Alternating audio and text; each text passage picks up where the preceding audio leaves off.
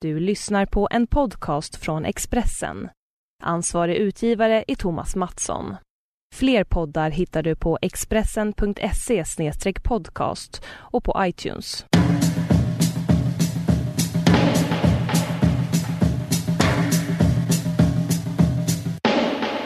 Hur är läget?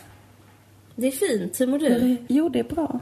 Det är helt OK i alla fall. Mm. Jag är i Malmö och du är i Stockholm. Ja, precis. Här är det ett åskväder Ja. och det regnar jättemycket. Jag har börjat se på TV varje morgon. Ja, Alltså det är riktigt gammal, den gamla burken. Burks. Burken. Okej. Vad ser du på då? Eh, Nyhetsmorgon kanske heter det. Det som är i i SVT. Mm. Ja, men det är rätt bra. Ja, men då sa de följande. Eh, jag vet att man brukar prata om att prata om vädret när man inte har något att säga. Det kanske stämmer lite i det här fallet. Men i alla fall, då, de sa om vädret att det var eh, onormalt kallt i- för att det var maj. Det ska inte vara så här kallt. Och så visade de på en karta att det var fel. Överallt i hela Sverige. Ja, men det är väl eh, en sån här... eh, någon som gjort den här spaningen att innan var vädret ett sätt att kallprata när man inte ville väcka några känslor och prata om något neutralt. Men nu för tiden så är vädret så jävla obehagligt så att, att prata om vädret nu är bara en sån ångestgrej. Bara Det är sån som att säga att världen ska gå under. Ja men exakt, det är typ som att börja prata om så här... Döden. vet att det kommer komma aliens och döda oss. Det är så Ja. samma feelgood, eller feelbad. Ja, verkligen. Det är så här... Börja leta efter en bunker nu där du kan vara självförsörjande och hitta en egen energikälla.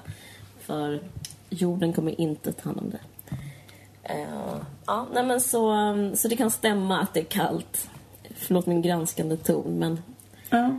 E- En mysig grej som hänt är att du hälsade på mig i helgen. Ja, det var mega mysigt. Mega mysigt. var Och eh, härligt. du var i Malmö för att vi, eh, bland annat för att vi då eh, var på en möhippa tillsammans. För en gemensam vän. Mm, verkligen. Jag menar, ja, det var, vi. det var jag och det, Det var vi. Ja. Och den var otroligt lyckad. Alltså, man tänker att möhippor är något vidrigt, vilket de säkert är nio gånger tio. Men eh, jag fick inte obehagskänslor en enda gång. Inte jag heller. Förutom då kanske när vi tvingade henne att sälja kyssar. Var det fel, tyckte du, att, att jag satte på henne ett sånt förkläde med bröst och sen gå ut på stan? Men jag tycker att det hör till. det hör till. Det ska jag bara. Vi gjorde inget sånt med henne utan vi gjorde bara trevliga saker. Eh, det enda som var lite så här, eh, vad ska man säga, lite, lite outside the box eh, som frångick kan man säga bara att, jätte, att göra jättehärliga, trevliga, underbara saker tillsammans i goda vänners lag. Som var alla de andra aktiviteterna. var ju att efter middagen så hade några bestämt att vi skulle ha ett sånt sexleksaks home party. Alltså att en sån försäljare skulle komma hem. eh, eh, vi hade då en middag. Vi hade, en, mi- precis, vi hade en middag hemma hos en av våra goda middag vänner. då med tolv tjejer typ. Ja. Och då skulle, eller då kom det en kvinna och eh, förevisade olika saker. Men jag bara tänkte det var så himla intressant. Jag har aldrig eh, Alltså Varit med som, om det? det är liksom, för att förklara jätte, jättesnabbt så är det, det är exakt som på filmer och det är som om man sett hur de har Tupperware parties. Ja. Typ att man säljer en väldigt bra förslut, en burk med förslutande lock. Och så sitter ett ant- antal kvinnor i en soffa och eh, ska köpa det och liksom Och fnissar. Ja, fast med eh, den här gången med sexleksaker och inte med så här bra matlådor. Precis. Men eh, det var en sak som hela den här- eh, upplevelsen fick mig att tänka på en sak just med sexleksaker. Jag vet inte heller varför det heter leksaker egentligen. För att det Det skulle, skulle kunna vara heta... en fröjd, det skulle vara njutningsfullt. Det är inte Ja. jobb direkt. Nej, precis. Men, men, eh, men jag tänker så här, man skulle också kunna kalla det för hjälpmedel. Men då kanske det... Då blir det rehabilitering, typ. Men det som jag ville komma åt var att det finns en onödig eller det finns en speciell kultur kring sexleksaker och en del av det är kanske att kalla det sexleksaker också. Alltså att det är en produkt som rör sig i ett visst stiluniversum som det egentligen inte alls hade behövt röra sig i. Förstår du vad jag menar? Menar du tofflorna? Ja, dels det, att det är så här, bland alla de grejerna hon förevisar så börjar hon förevisa ett par så här tofflor som har en kuk, en ganska liten kuk liksom på, det är inte ett par roliga morgontofflor. Du har med det. Aprikosfärgade. Exakt. Luddiga liksom. Så de grejerna, det fanns liksom ett helt stash av sådana saker som jag snarare skulle kategorisera in liksom som slags humorprodukter. Ja, skämtartiklar kanske. Skämtartiklar. Och det, det gör att liksom sådana här sexleksaksaffärer har ju jätteofta sådana humorprodukter.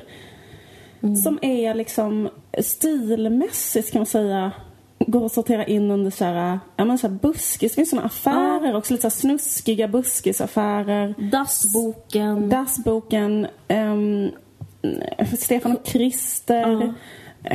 Toaletthumor, ska kalla det. Exakt, precis. Och också så här liksom ganska så här dålig smak. Alltså man behöver inte lägga någon värdering men, men, men det är inte så här det är inte en designer direkt. som har gjort de tofflorna. Alltså den någon hade, alltså så, att det också är, är så hela tiden.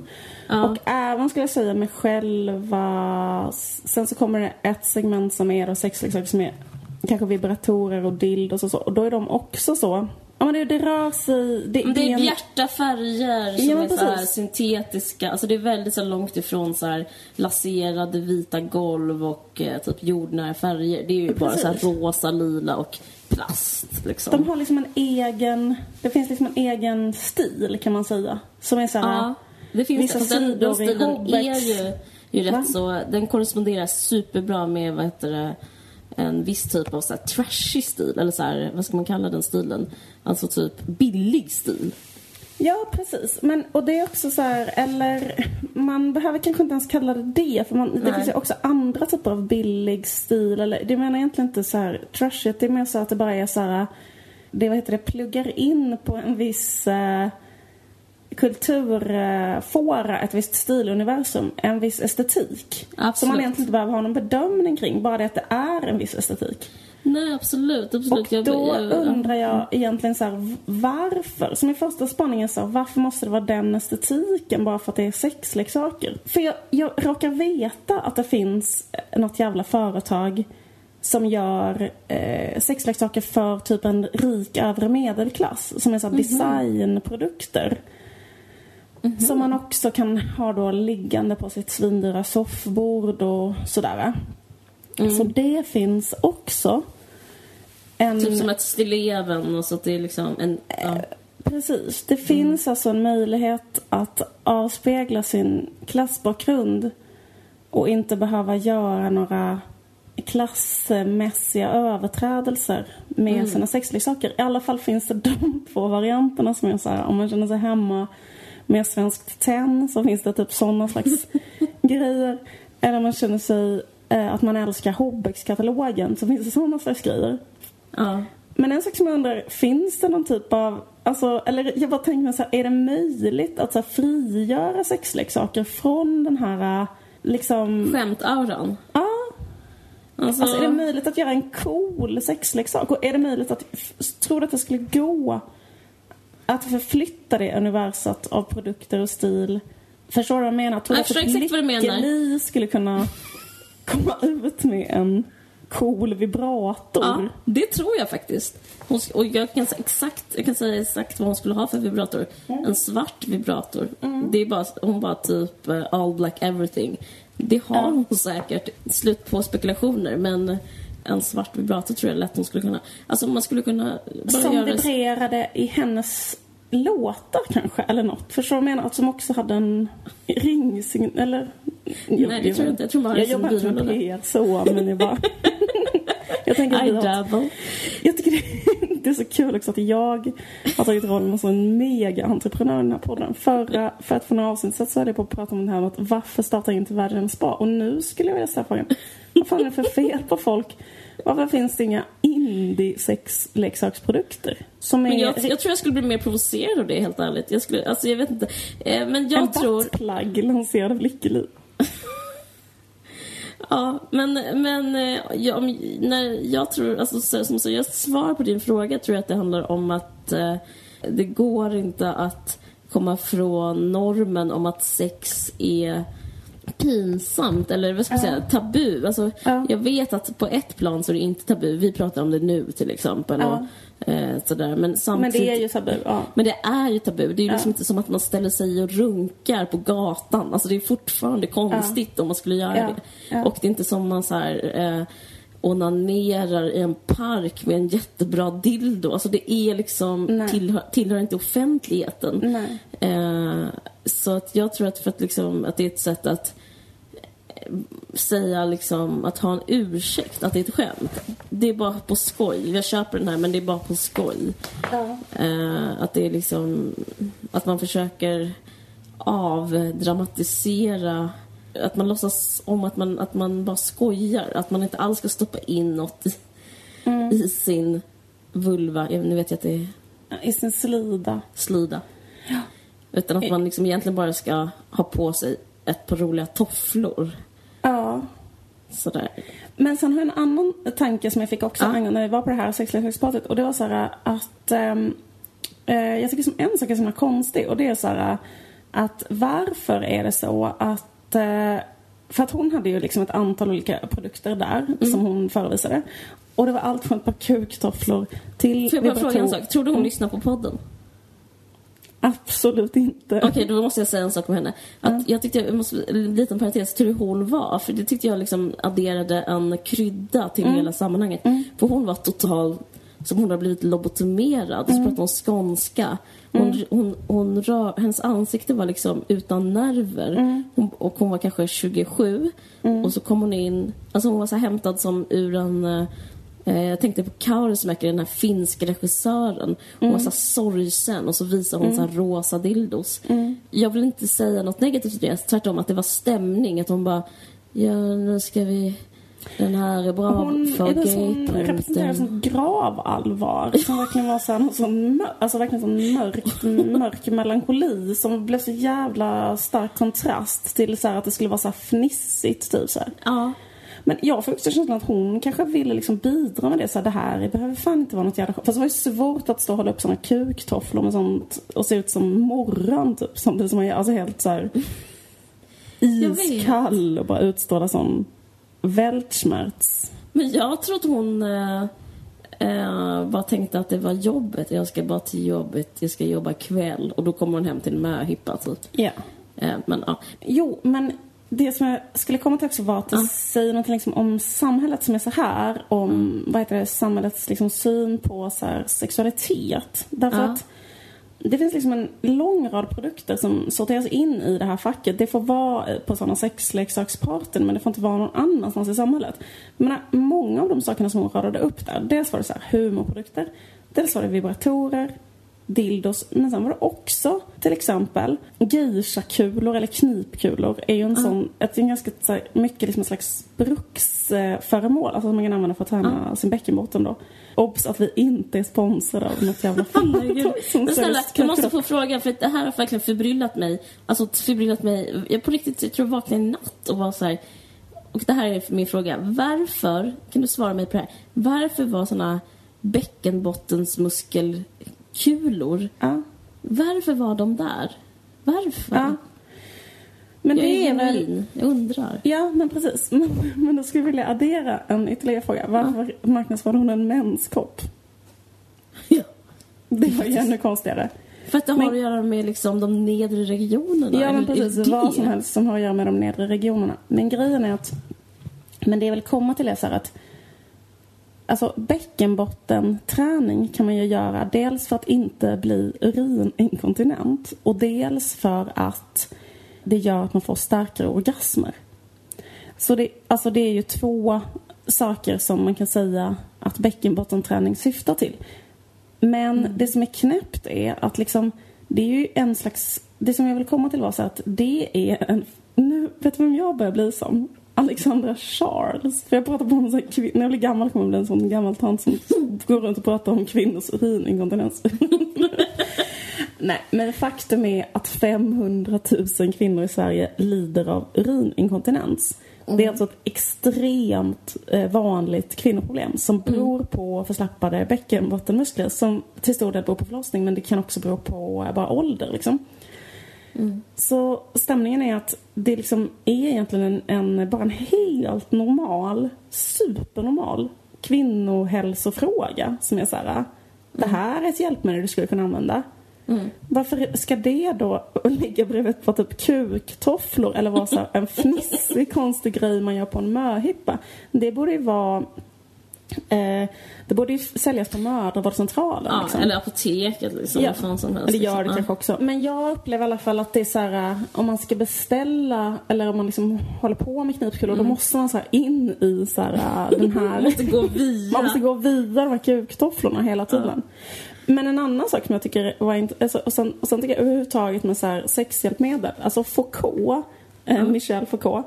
Han hade ju en sån teori om så här... Eh, hans bok Sexualitetens historia, den handlar ju om att i väst så ser man bara på sexualitet som ett medicinskt, alltså man har så att man vill liksom disciplinera och kontrollera via medicinen människors sexualitet. Och det är så man typ bygger all vetenskap kring sex. Det handlar bara om ett slags medicinskt perspektiv och ett slags eh, folkhälso ofta så förment medicinskt perspektiv, typ att man vill kategorisera hermafroditer, ja, men den typen av intresse. Men att i eh, typ Indien och Kina och sånt så är det den här stämningen eh, att man, det man är intresserad av med sex det är att man är intresserad av njutning. Det är så Kina. Eh, ja, alltså Kina har exakt som Kamasutra, typ en jättestor sån. Eh, de, de har ju en massa sån vetenskap kring hur man ska ha sex på bästa sätt för att optimera njutning. De har Mm, jättemycket gammal sån litteratur. Det är ju därifrån geishakulorna kommer. Alltså varför tror de heter geishakulor? Det är så här, det är bara i Kina. Men geishor är väl japaner? Ja, just det. Men det finns ju också i Kina. Det är ju typiskt Kina, eller hur? Okej, okej. Ja, mm, mm. Eh, men, eh, men grejen Jag tänker på Kina är så här, vi ska inte ligga för vi kan få en dotter och den dottern ska vi döda. Men så Jo, så fanns är det väl. det här. Så är det väl jättemycket. Och när Men jag tänker på också mycket- Indien tänker jag på gruppvåldtäkt. Men, eh, Jo, men så är det väl också. Absolut.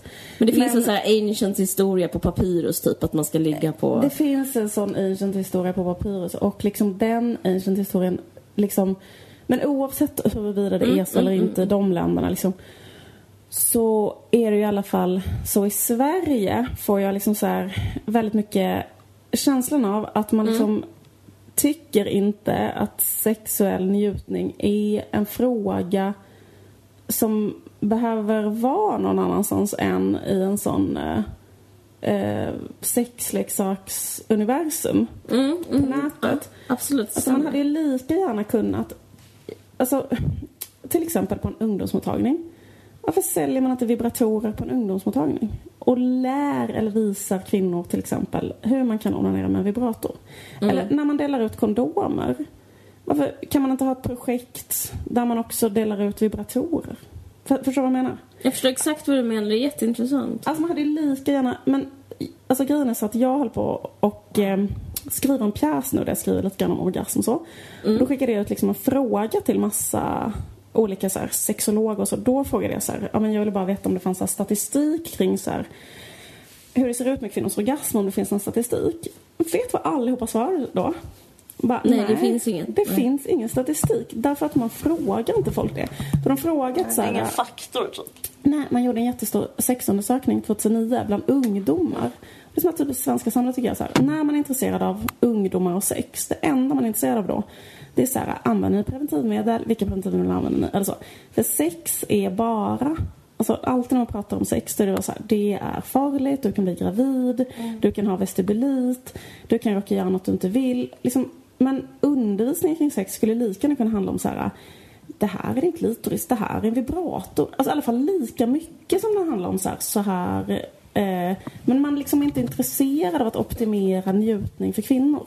Men njutning, det känns som Sverige och njutning har liksom ingen, det finns liksom ingen eh, matchning där riktigt. Det finns liksom, alltså, om man tänker på Sverige, alltså, Sveriges historia, alltså det är inte som att, jag, jag tänker mer på utvandrarna typ. Ja. Och, alltså det känns bara så här kargt och, och sen så skatter och Småland och bönderna. Alltså, det liksom finns inte... Det, det är ju inte som en sån, jag ska kittla det med en fjäder och ha geisha-kulor. Det finns liksom... Vi har ju inte så här i Asa, det står liksom inte hur gudarna typ hade liksom finurligt sex. Typ att nu. Nej, men det känns som att det är liksom bara en så här... Alltså det bara känns så här lite... Alltså, eller det är bara intressant att kolla Ja, på så här, ja. hur kulturen... Alltså vart i svenska kulturen som njutning får plats. Och det är inne i ett sånt buskisuniversum. Ja, det är, det är sant. Och det är också intressant. Eh, för jag tycker inte det bara gäller sex. Jag tycker det gäller till exempel arkitektur och om man tänker på hur man ser på hur människor ska ha det. Ja. Så, så går man inte på estetik. Alltså det har ju varit ett jättestort problem. Men faktiskt, typ så här, men dels är det ju givna exempel som så här miljonprogrammen. Ja. Men Jag tycker typ typ här, att njutningen av skönhet är viktig heller. Nej, det finns liksom Nej. ingen...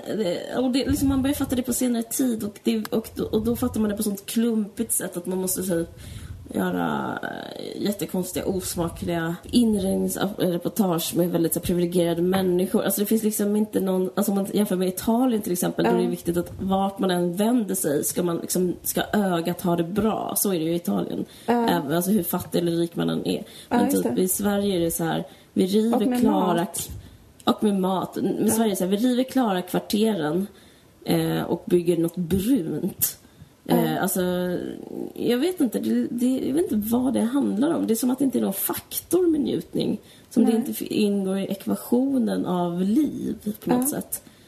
Det är väldigt speciellt. Det är bara Amelie Adam som förespråkar det. Ja.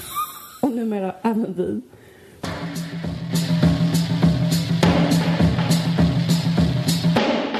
Har du hört talas om en grej, om, ett, om, en, eh, om en ny trend? Du kan, du, kan inte, du kan bara svara nej på den här frågan för du vet inte Ja. vad jag ska säga. Men har du hört talas om den här nya trenden? The dad bod. Nej. På svenska. Pappakropp. Pappakroppen. Mm, nej, jag har inte hört talas om det. Okej, det är Leonardo DiCaprio. finns tusentals underbara paparazzi-bilder på honom när han är på olika jottar eller jakt. Jag vet inte hur man uttalar det.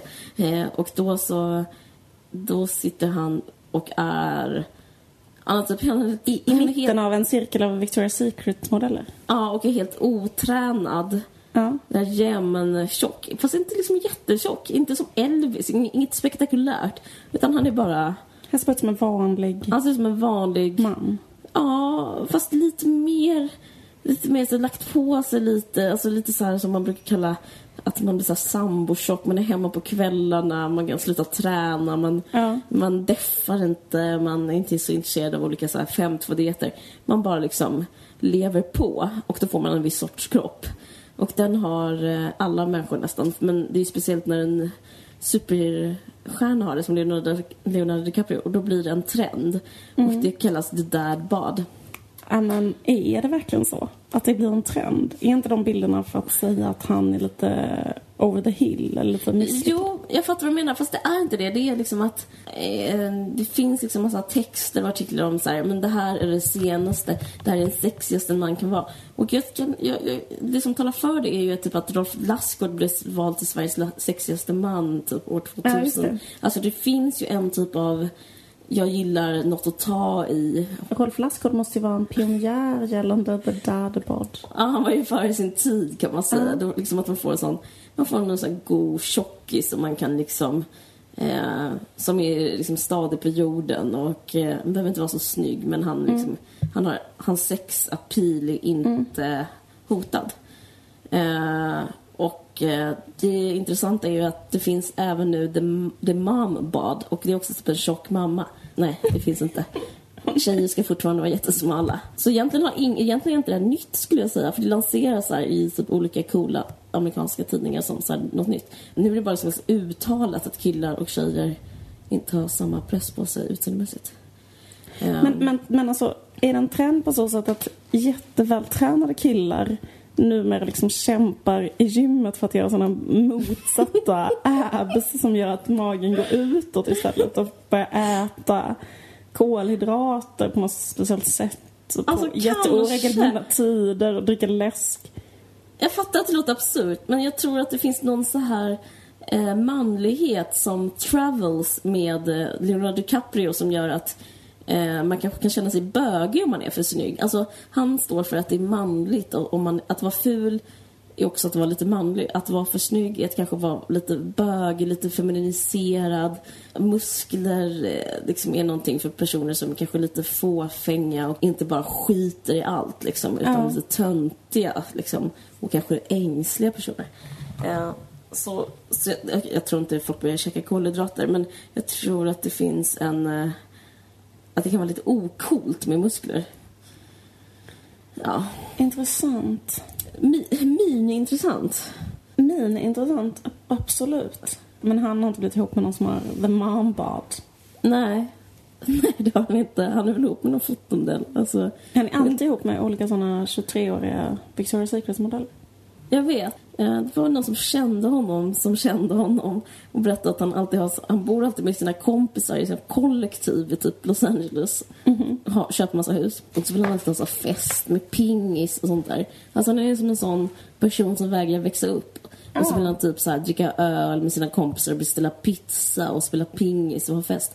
Och han bor alltid i kollektiv. Han bryr sig inte om någonting. Förutom en sak. Och det är typ så här eh, lej, alltså, utrymnings, alltså typ så sjölejon och snöleoparder. Så, ja.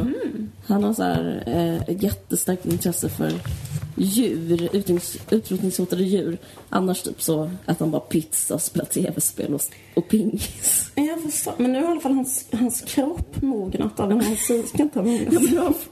Kroppen går före. Ja, precis. Kroppen. Kroppen Kropp- visar vägen mot the Kroppen dad. vägen. Han, Precis, han, men- han är inte en dad och skulle aldrig kunna bli en dad för han tycker det verkar för tråkigt. Men hans Precis, bad men är jag- en dad. Men är inte han ihop med hon i Gossip Girl och har inte de fått barn? Är inte det som är hela grejen? Um, hmm, jo men i så fall, ja, det har inte jag hört. Men det är möjligt. Eh, Okej, men Mm. det är så fruktansvärt dålig research så spaning jag inte ens orkat kolla det. Jag bara läser om det dadbad att han har Ja men det var intressant. Det var glada, glada nyheter killar som lyssnar på detta.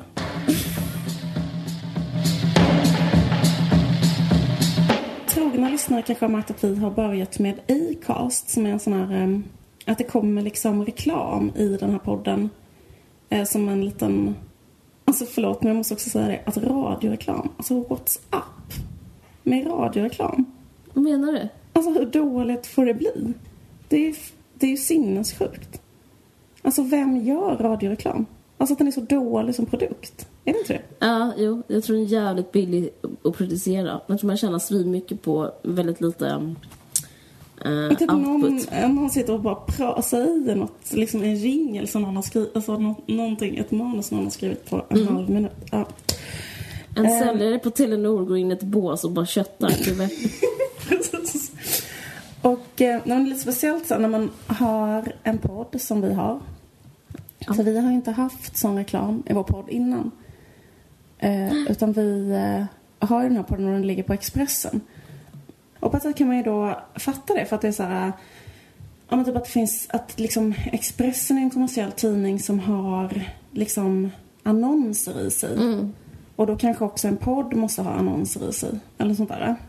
Fast det känns ju som att vi blir blåsta. Vi blir blåsta. Men skit i det. Det är liksom ändå... Eh, det är liksom ändå då till villkor för att eh, göra den här podden. Så att nu alla som lyssnar måste liksom lyssna på den där, eh, på den där reklamen. Mm.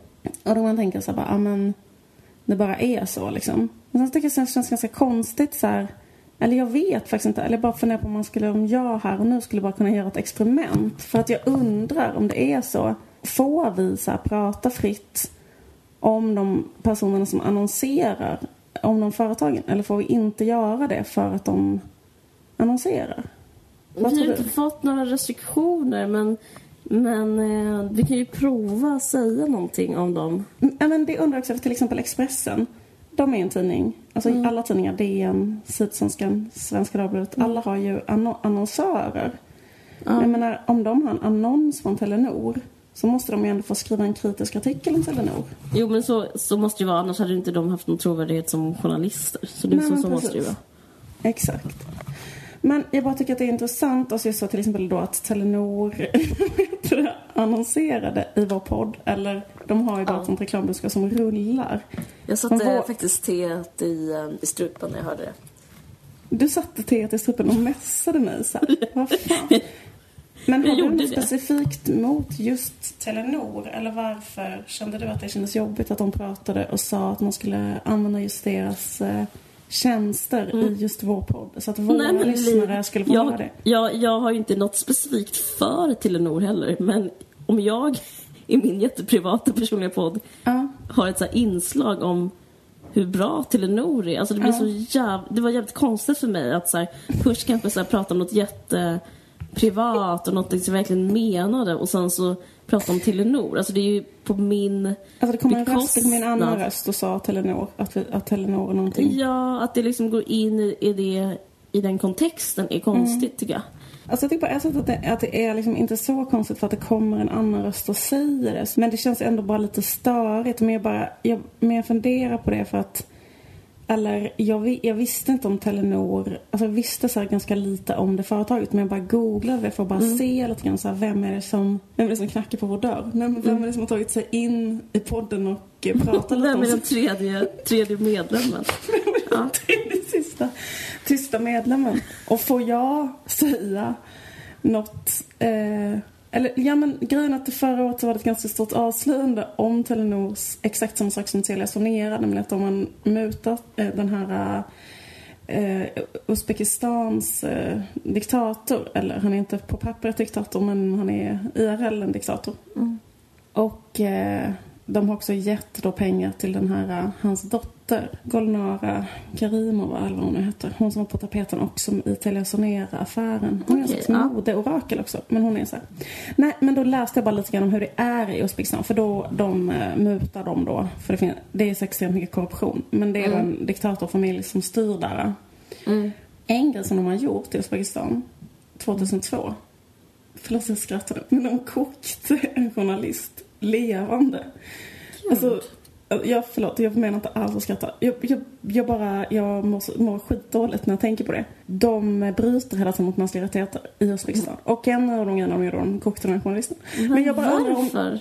Nej, därför att han hade varit regimkritisk. Men eh, vad heter det? Nej men det man undrar nu är ju om jag kommer bli god. Ja, men jag känner också det. Du, är- du, vet, du, laddar, du spänner bågen nu rätt så högt. Men får jag säga en sak som jag faktiskt tycker är lite intressant sen Ja. med det nya medielandskapet. Det är ju att eh, ingen längre vill betala för papperstidningar. Det är det som alla pratar om hela tiden. All media blir istället gratis. Och på nätet då blir det så här att man måste göra nyheter som vem som helst vill läsa. Då måste man klicka på det. Eller en sak som har vuxit jättemycket är poddar. Men för att människor ska kunna göra poddar så måste de jätteofta göra reklam i sina poddar. Och det fattar jag verkligen. Och jag skulle själv, eller så, jag tycker inte det är något konstigt för det är bara så det är. För att de människorna måste få lön och bla bla bla. bla. Men faktum kvarstår är att det blir ett lite speciellt, det blir ju en lite speciell situation. Som är att eh, företag kanske har liksom ett större inflytande över media än vad de har haft innan. Och jag vet inte riktigt om det är så här, för jag... eh, precis säga det, så är det inte så? Är det så, är det så att annonser i papperstidningar är så normaliserat att man inte ens Ja. tänker på det, men att det här är nytt och man måste liksom svälja det på ett annat sätt? Mm. Jag vet inte. Jag vet inte heller. Jag bara tänker så här, eller jag ska bara säga en, så här, en känsla jag har haft utifrån mitt arbete. Men det här är inte en eh, statistiskt säkerställd um, eh, det, spaning. Utan jag pratar. Det är mer vad man brukar kalla för anekdotisk bevisföring. Men jag har en anekdotisk bevisföring i alla fall. Som är så här att, att jag har gjort jättemycket typ satirserier och sagt massa dumma grejer eller elaka grejer om till exempel politiker. Eh, Jag gjorde en hel kalender som handlade om Moderaterna, du vet sådär. Publicerade dem på jättestora ställen, så i Aftonbladet gick de en gång i veckan sådär. Där liksom skrev om enskilda politiker, vad de hade gjort och sagt och sådär. Det har aldrig någonsin hänt mig någon gång. Jag var på P3 och sagt jättemycket saker om politiker. Det har aldrig någon gång hänt mig att någon politiker har, så här, ha, alltså, fått för sig att typ så här, kontakta mig och säga så här.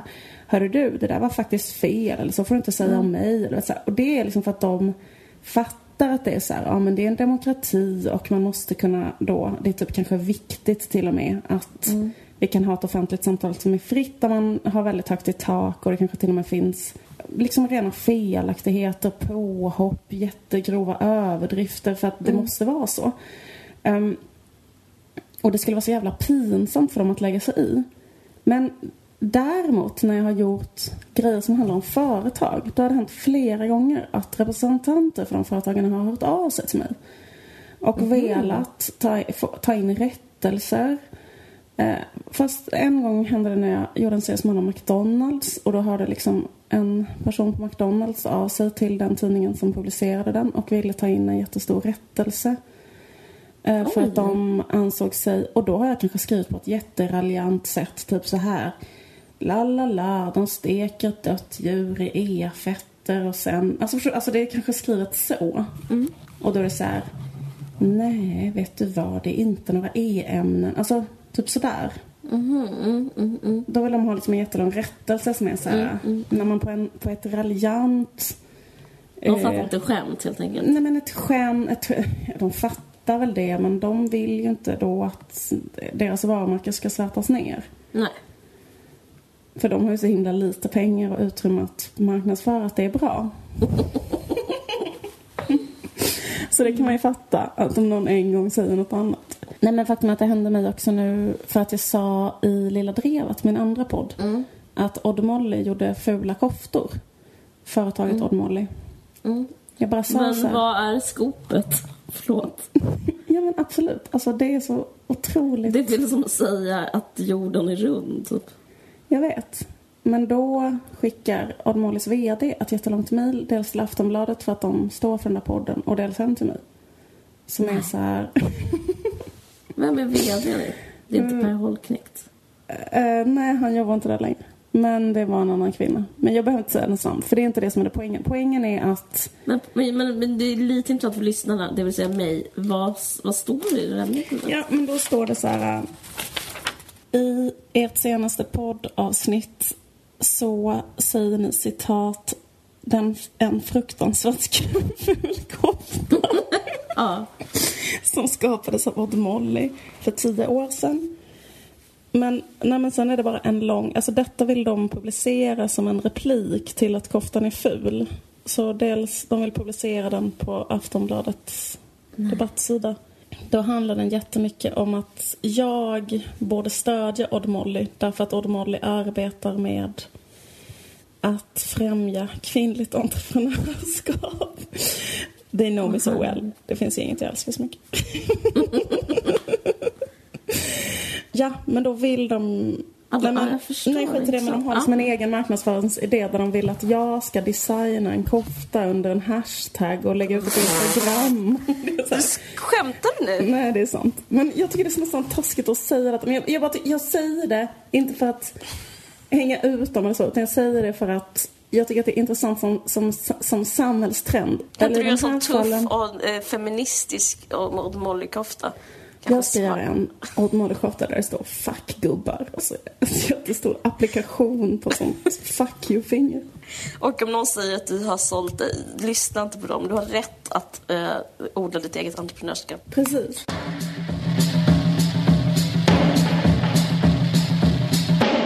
Jag eh, har varit och eh, kollat på väldigt många lägenheter. Mm. Jag försöker ta mig in på bostadsmarknaden. Ja. För du står utanför bostadsmarknaden, eller hur? Jag står utanför bostadsmarknaden. Och det I känns... Stockholm. Och jag kanske behöver säga det, för nu, jag måste bara säga, det här är en parentes, men nu när vår bok har kommit ut så har det stått på flera ställen att, att jag, mina övre medelklassmarkörer och min, att jag är en rik konstnär och sånt där. Men jag står alltså utanför bostadsmarknaden, jag äger ingenting. Ja. Det kan jag intyga faktiskt. Ja, jag bor andra hand hos min kille i hans etta på 21 kvadrat. Ja. Jag är gravid. Förr i tiden var det så här att man kunde gå till staten och be om en lägenhet och så fick man det. Förr i tiden var det så att alla bodde så i. Ja, precis. och hade två, tre till små knattar där. Ja, jag vet. Innan Mm. folkhemmet var det så. Och grejen är att vi bor i en sån lägenhet på Söder också. Som, eh, alltså, vi funderar lite på att här, stänga av elen och vattnet bara för att få den här riktiga feelingen. För att den här så riktigt trång. Anders Fogelström-känslan. Jag vet. Det är så nära ett, ett live just nu. Ja. Nej, men det är verkligen så att bo pyttelitet och ändå en hel familj på 21 kvadrat. Men, eh, nej, men, men jag har blivit, bara för att det handlar om mig kanske, men har jag råkat eh, sätta mig in lite i bostadsmarknaden. Och, eh, jag har tänkt väldigt mycket på den för att dels att vi får inte lån heller. Och så, så hörde jag på någon, för någon månad sedan på A-ekonomi att eh, Eh, Det var någon ekonom som pratade om bostadsmarknaden och eh, ungdomar inte kommer komma in. Man kommer inte komma in om man inte redan är rik i hela grejen med bostadsmarknaden. Antingen så har man liksom ett kapital någonstans att börja med. Man, man kanske har rika föräldrar som kan ge kontantinsats eller så har man ett arv eller så har man en... Det bästa är att man har redan en bostadsrätt som man kan sälja. Alltså det är som en sluten marknad som bara börjar tillhöra vissa. Och sen så idag så hörde jag på Gomorron Världen och de pratar väldigt intressant om en ny klass nästan som har skapat som de kallar den här borättsklassen. Det har jag också. Ja, det handlar om att vissa att man liksom, att istället, man pratar ju alltid om överklass och medelklass och arbetarklass eller underklass. Men att man kan liksom göra en ny, det kanske alla vet, eller man kan räkna det med röven. Men man kan se en ny ekonomisk eh, liksom, uppdelning liksom, mellan människor som inte beror på något annat än tur. I och för sig kanske man kan säga så om allting. Men Ja, men det som han sa, eller det som en sa som var ganska radikalt i det där programmet, det var att han sa så att det kommer inte att hjälpa, för annars säger ju alla så här, Ja. det som behövs är att bygga fler hyresrätter, så pratar alla om det va. Och det är ju det som Ja. regeringen säger att de ska göra nu också. Men då menar han på så här, liksom att det kommer inte att hjälpa att, att eh, bygga fler hyresrätter för att de människorna som då gör typ det politiskt korrekta, man ska säga, bor i hyresrätter det som kommer hända är typ att deras barn aldrig kommer komma in på bostadsmarknaden. Medan de som bor i bostadsrätter eller typ gjorde klipp innan det var så jävla dyrt. De kommer sen kunna bo var de vill. I en herrgård i Filipstad, tog jag han som exempel. Mm. I ett hus i. Spanien. Men de kan Precis. bo var fan de vill för att de har liksom ackumulerat så in i helvete mycket av Mm. det som innan var det allmännyttan liksom. Precis. Alltså det handlar om de som har omvandlats. Alltså det är hundratusen hyresrätter som har omvandlats till Ja, i bostadsrätter. Stockholm är det I Stockholm. sedan 80-talet 100 000 Mm. lägenheter. Och från början så kostade de 5 000 per kvadratmeter och idag kostar de 80 000 Mm. per kvadratmeter. Och eh, det är bara Stockholms innerstad. Och you do the math. Alltså det är liksom otroliga vinster. Alltså hur många procent, hur många procent om har man tjänat på de lägenheterna? Eh, Han hette Hans Lind, en av de här professorerna. En, han var professor i ekonomi på KTH. Och han pratade liksom om att den här typen av eh, marknad, alltså den är, att den är mycket mer eh, vad ska man säga, amoralisk än en vanlig kapitalism. Alltså den, för den bygger på... Den har liksom inga regler, eller vad man ska säga. Den liksom bygger på... Eh, ja, som jag sa innan, bygger på tur. Men också att den formar eh, mycket tydligare och snabbare så samhällets vinnare och förlorare. Så antingen är man en vinnare eh, eller så är man förlorare. Och det, innan, i liksom samhällets andra liksom, olika liksom, vad ska man säga, instanser eller vad man ska kalla det så, så kan man göra någonting själv. Men typ en vanlig knegare eller typ halvvanlig knegare, en lärare som jobbar men inte har inne på bostadsmarknaden har liksom inte råd att köpa ett eh, radhus med en liten tomt utanför Stockholm med som priserna ser ut idag. Så priserna liksom är inte, eh, de är inte demokratiska längre. Utan de handlar bara om, sin, de, de är bara som inom marknadsmässiga. Och sen den här grejen att om man inte har föräldrar som kan ge en eller att det finns pengar någonstans man kan ha till den där insatsen och så, så är det ju helt omöjligt då att ta sig in. Och det är också helt omöjligt att få ett hyreskontrakt.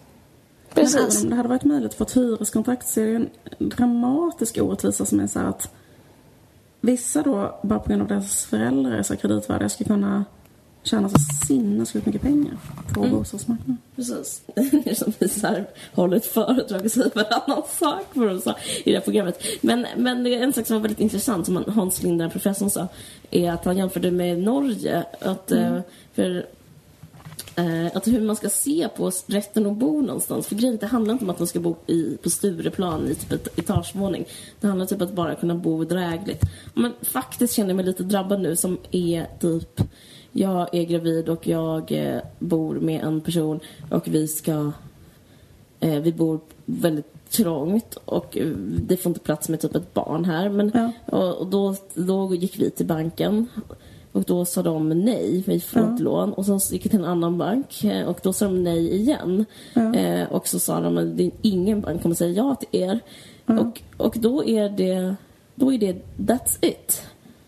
Ja. Och det, det är rätt så speciellt. Och jag, och om jag som är väldigt så här, privilegierad på massor sätt har det, Ja. de utsikterna så kan man tänka hur det skulle kunna exempel vara att vara nyanländ hit liksom, utan ens ett jobb. Och, och, det, och det finns, ja, det finns liksom eh, Alltså den här grejen med ocker börjar komma tillbaka också. Att eh, det finns hyresrätter som eh, och även liksom ute så här på landsbygden och liksom säga att det finns någon jävla ja, men ett ställe, typ så här, små byar som Sunne i Värmland och sånt där. Och så hyr de ut till nyanlända flyktingar och då hyr de till otroligt höga priser fast det fortfarande är typ en tvåa där nio personer får bo. Liksom. Så det skapar liksom, så här, det skapar liksom som ett Sverige innan folkhemmet och liksom innan, innan man tänkte på att, att det är en demokratisk rättighet att inte behöva bo för dyrt och att alla ska bo bra. Men det, i alla fall, den här professorn sa en intressant sak. Bankerna vill ju inte låna till vem som helst. De vill att man ska vara kreditvärdig. Eh, vilket jag och min partner liksom inte är. Eh, men eh, så därför lånar de bara till redan rika personer kan man säga. Så de liksom bidrar till en eh, klassklyfta eller vad man ska kalla det. Men i, i Norge har de gjort så att 90% av de som inte har råd får eh, bidrag av staten att eh, balansera ut eh, det Inte som... att staten är som någon här garant för att Staten är att- borgenär om jag fattat det Ja, hela rätt. precis. Bara för att liksom staten har liksom ändå ett ansvar att se till att människor kan så här bo drägligt. Mm, och inte bara drägligt utan också äga sina eh, bostadsrätter. För det är så man... eh, För det viktigaste, om jag har förstått de flesta ekonomer, är, är liksom att, man ska, att man ska vara inne på bostadsmarknaden. Bara man är inne så har man liksom, kan man få liksom rättigheter. För att man, man får nästan inga rättigheter. Man är bara duktig om man bor i en hyresrätt. Men man, man får liksom ingen Ja, avkastning. Precis, eller men sen måste jag säga det där med att bo i en hyresrätt. För jag kommer ihåg så här, men jag, jag kommer ihåg en gång att jag skulle skriva på ett hyresrättskontrakt. Hade Mm. också en eh, partner som skulle flytta in i samma hyresrätt. Jag hade ett jobb eh, då på P3 och Mm.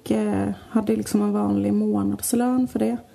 Och var liksom anställd. Och då var min partner då gick någon utbildning. Och då fick inte vi skriva på det kontraktet utan att ha en borgenär. Ja. Och det var liksom en hyresrätt i Malmö. Alltså, sjukt. Ja, men jag menar bara som så att vad... eh, Och tänk om vi inte hade haft en borgenär. Då hade vi någon förälder, någons förälder kunde kanske skriva det eller ta på sig den try- säkert eller whatever. Men det är rätt speciellt att det är så höga krav. Alltså så bara för att få hyran. Verkligen, verkligen. Och det man har nu, och nu, nu har man tagit bort borgenärsystemet inom bankväsendet. Så att det finns man kan inte ha borgenär. Så vår enda chans till exempel, och alla, och typ alla chans, är att man har en kontantinsats. Om man har riktigt hög så får man låna ändå. Men om man inte har det så får man liksom inte låna. Nej. Så att liksom, då är man fucked. Alltså det är så... Men, en, men till det bästa den här professorn sa, som jag, jag vet inte vem det är, men jag liksom beundrar honom sen jag hörde det här programmet, han, han Hans Lind, är att eh, man har liksom ändrat synen på vad typ tak över huvudet är. Att man ser det som någonting som är godtyckligt. I, alltså samhället ser det som liksom upp till var och en att fixa godtyckligt. För förr i tiden såg man det som Eh, han jämförde med hur man ser på sjukdomar. Att liksom vem som helst kan drabbas av cancer. Eller mm, vad, vad fan, vem som helst kan vricka foten. Och då så finns det en vårdcentral och den vårdcentralen tar hand om det här problemet. Och den vårdcentralen, eh, liksom att det, det ingår i att liksom, det ingår i samhället. Att samhället ska liksom tillgodose sina medborgare med en vårdcentral. Men att det är totalt utbytt mot en fri marknad. Så det liksom går inte, även om man, man inte råkar ha vunnit i det här lotteriet som är att kanske ha rika föräldrar eller inte rika föräldrar. Då finns liksom ingen som tar hand om en och ingen ser det som en rättighet att bli omhändertagen. Så jag vet inte, så det är liksom en sån här mörk situation. Men jag undrar också vad som kommer hända med Stockholm, alltså rent kulturellt. Alltså att det kommer bli ett problem för Stockholm i Stockholms liksom konkurrenskraft gällande jättemånga områden om det ska vara så att bara exceptionellt rika människor ska kunna bo i Stockholm. Eh, Det kommer bli så jävla liksom homogent och svintråkigt i Stockholm då. Men frågan är om det inte redan blivit det. Ja, alltså, jo det är klart att det redan är så. Jag bara menar att det ska bli, kommer bli ännu värre. Ja. Alltså, Men vad kommer så här- Var kommer liksom den kulturella kraften komma från här och vad kommer så här, Ja, den typ liksom av någon- näring? Ja, precis. Du snackade ju med... Vi var och åt lunch en gång med en framstående mediepersonlighet och då frågade jag dig varför vill han luncha med oss? Och då sa du det är för att han bara vill en gång träffa någon som inte pratar om bostadsrätter. Eh, Men nu eh, motbevisar också detta därför att vi pratar också bara om bostadsrätter. Det enda folk snackar om Ja. det är det, hur mycket de ska tjäna på så jävla bostadsrätt. Eller Jag förstår jag glömde vem den här personen var. Vi behöver inte ta det nu, men jag undrar fortfarande om det är. Nej, men jag vet. Men det, det är ju liksom... Det, det, är- det är ett sätt att... Um, så det alla pratar om hela tiden. Det är Ja, men att det fruktansvärt. så blir liksom tråkigt. Ja, det blir svintråkigt. Eh, undrar om det kommer bli som eh, förr i tiden, typ så konstnärer flyttade ut på landet och... Mm. Eh, undrar om liksom alla kommer flytta till Småland. För man kan ju inte vara konstnär. Man kan inte vara, en- man kan inte vara en fattig konstnär. Eller en författare kan man inte heller vara. Och bo i Stockholm. Det går inte. Nej. Varsågod. Är ni nöjda nu? Också ingen bryr sig. Jag bara, hur tror ni att det ska gå i Stockholm när det inte kommer bo några författare där?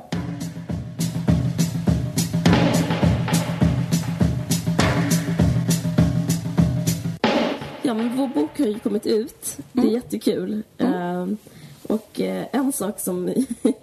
vi har fått väldigt eh, många recensioner och vi har fått väldigt bra recensioner. Jag är väldigt glad och tacksam för det. Det, det, det är väldigt gulligt. Jag trodde inte ens att det skulle recenseras. Men en sak som, eh, som jag har märkt med typ eh, de största dagstidningarna som DN och Svenska Dagbladet. Och det, det är två stycken jättebra journalister som har recenserat oss där. Men du läser säkert inte dem, men jag har läst. Och det är att de är för smarta. Alltså, eh, Isabelle Ståhl som skrivit på Svenska Dagbladet, hon är typ doktorand i idéhistoria nu, vet jag. Och hennes text är så jävla eh, elaborerad, så jag i denna stund... Du förstår inte den? Jag vet inte om det var bra eller dålig. Jag, jag, alltså de här, i landsortstidningarna och typ eh, fram till Uppsala, alltså allting som är så här utanför storstaden. Så det, då står det så här, den är bra. Eller Mm. typ om någon inte tycker den skulle vara bra, den är dålig. Alltså ordet bra förekommer och jag kan, Mm. det kan jag liksom eh, jag kan def- differentiera liksom, okej, Mm. då- det är en positiv eh, recension. Men den här recensionen är liksom, båda och som var i DN och i eh, eh, Svenska Dagbladet är superfilosofisk i sig själv. Kryptisk. Eh, jag, jag, bör- jag, börjar bara, jag försöker bara säga att jag skönjer ett problem med att vara för bra skribent. Ja. Man vet inte om man eh, har blivit sågad. Ja, nej men precis. Nej, jag fattar vad du menar. Det är liksom lite den där grejen att om man är recensent, och det fattar jag, att man liksom... Man vill inte bara skriva så här, Nej, man vill bara bra. skriva, det här är jättebra eller det här tycker inte jag är bra. Alltså, så här, man vill göra ett eget eh, verk liksom såklart av Precis. sin recension. Men... eh, Men jag ja, funderar nästan på om man ska återinföra siffrorna så att man kan, för då kommer jag ha båda. Att då kan man skriva en sån jätteelaborerad text. Alltså jag, jag njöt av både Jag, jag, jag, tycker, eh, jag beundrar båda de här eh, Mm. våra recensenter, Matilda Gustafsson och Isabel Ståhl. Jag tycker Mm. de skriver väldigt bra, ofta. Eh, Matilda Gustafsson skrev en extremt bra intervju med Kristina Lundgren bland annat. Jag tycker Men- båda de två är jättebra också. Ja, de är så jävla bra. Men de är för bra. Och därför skulle jag önska att det fanns siffror med. Så att jag fattade om jag... eh, Eller liksom om de kanske gi- gillar dem oss. Det skulle vara kul att veta, typ. Eh. Tyckte de om boken? Ja. Nej, jag vet inte. Nej, jag vet inte heller. Men jag, jag vill i alla fall säga att jag är väldigt tacksam för alla andra recensioner. Att ens, någon ens orkat recensera. Väldigt gulligt. Och boken finns att köpa och eh, jag tycker det känns jättekul. Det känns jättebra med den. Jag vet vad jag kom på med boken? Alltså. Det är att det tror att boken är- kommer att vara en svinbra studentpresent. Ja, det kommer Kan du tänka dig en bättre studentpresent? Nej, det kan jag inte. Eh, faktiskt.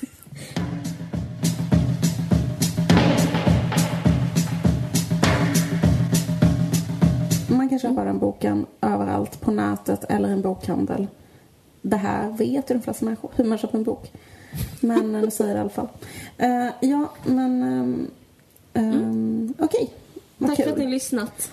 Tack för att ni har lyssnat. Eh, Jag heter Liv Strömquist och den här podden görs också av Carolina Ringshoff Fredanoli och den görs i samarbete med Expressen Kultur. Vi ses om två veckor. Du har lyssnat på en podcast från Expressen. Ansvarig utgivare är Thomas Mattsson. Fler poddar hittar du på expressen.se podcast och på iTunes.